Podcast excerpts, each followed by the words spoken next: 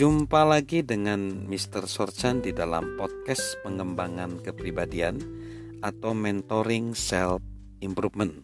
Pada saat ini kita akan membahas tentang pertanyaan kelima tentang perwujudan impian, yaitu pertanyaan tentang jalan, pertanyaan tentang cara. Apakah saya mempunyai strategi untuk mencapai impian saya?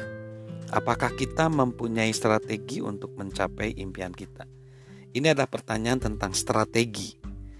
Les Brown berkata demikian: "Kita harus mencari cara untuk menjadi kekuatan aktif di dalam hidup kita.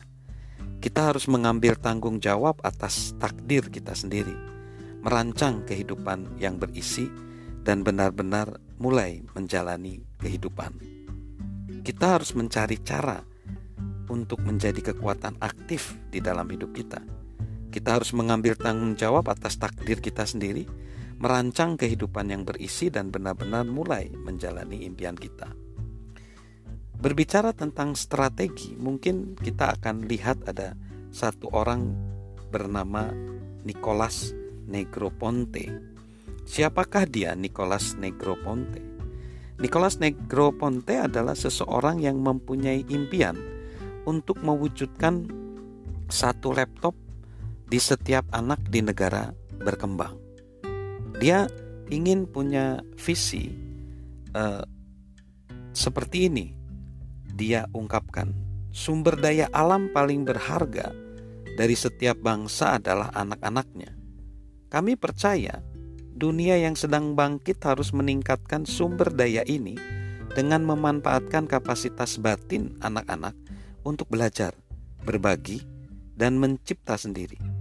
Jawaban kita untuk tantangan ini adalah laptop XO, mesin untuk anak-anak yang dirancang untuk belajar mengajar. Nah, dia mempunyai misi yang tulus dan ikhlas, yaitu ingin mengembangkan anak-anak di negara berkembang menjadi satu generasi ke depan untuk membuat dunia lebih baik. Itu dimulai dengan uh, dia sebenarnya adalah staf uh, pengajar ya di MIT sejak tahun 1966 Massachusetts uh, Institute of Technology. Dia terlibat di dalam proyek inovatif untuk menggunakan komputer. Ide untuk memberikan laptop kepada anak-anak di negara berkembang sebenarnya ketika dia menemukan sebuah artikel.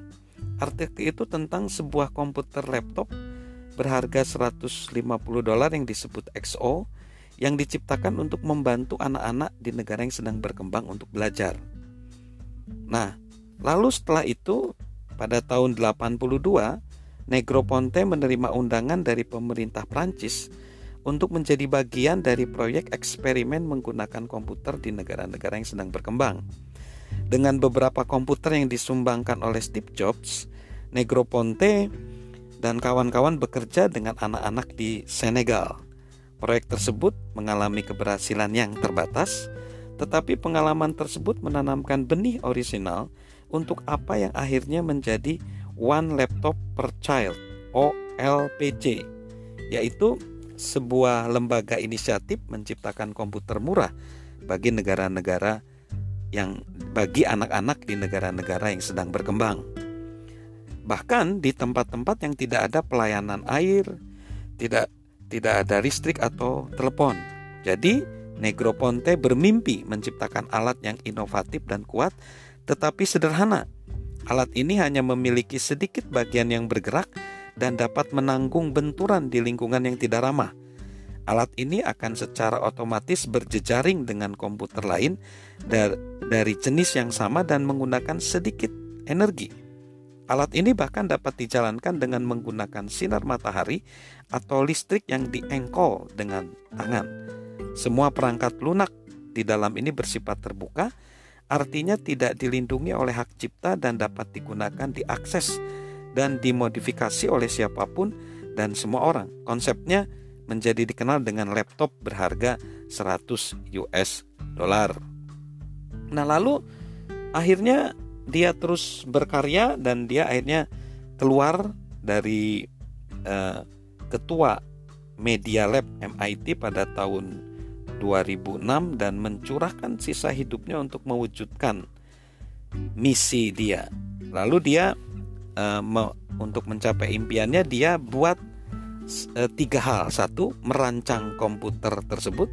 Dua, membuatnya dengan harga murah dan tiga, menyerahkannya ke tangan anak-anak di seluruh dunia dengan menjualnya dengan harga modal ke negara-negara yang sedang berkembang. Yang pertama, merancang komputer tersebut itu sudah dia lakukan dengan mudah. Kedua, membuatnya dengan harga murah, dia menghubungi ada seorang yang punya pabrik.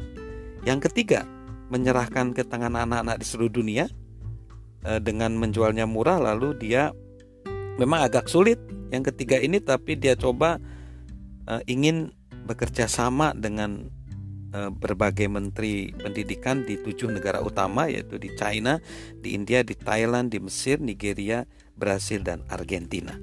Nah, kalau kita memperhatikan eh, apa yang dilakukan Nicolas Negroponte ini adalah satu satu contoh di mana sebuah impian itu harus ada rencana strategis yang nyata sehingga impian itu dapat diwujudkan. Nah, memang eh, lembaga yang didirikan Negroponte ini masih terus mengembangkan eh, perusahaan ini ya.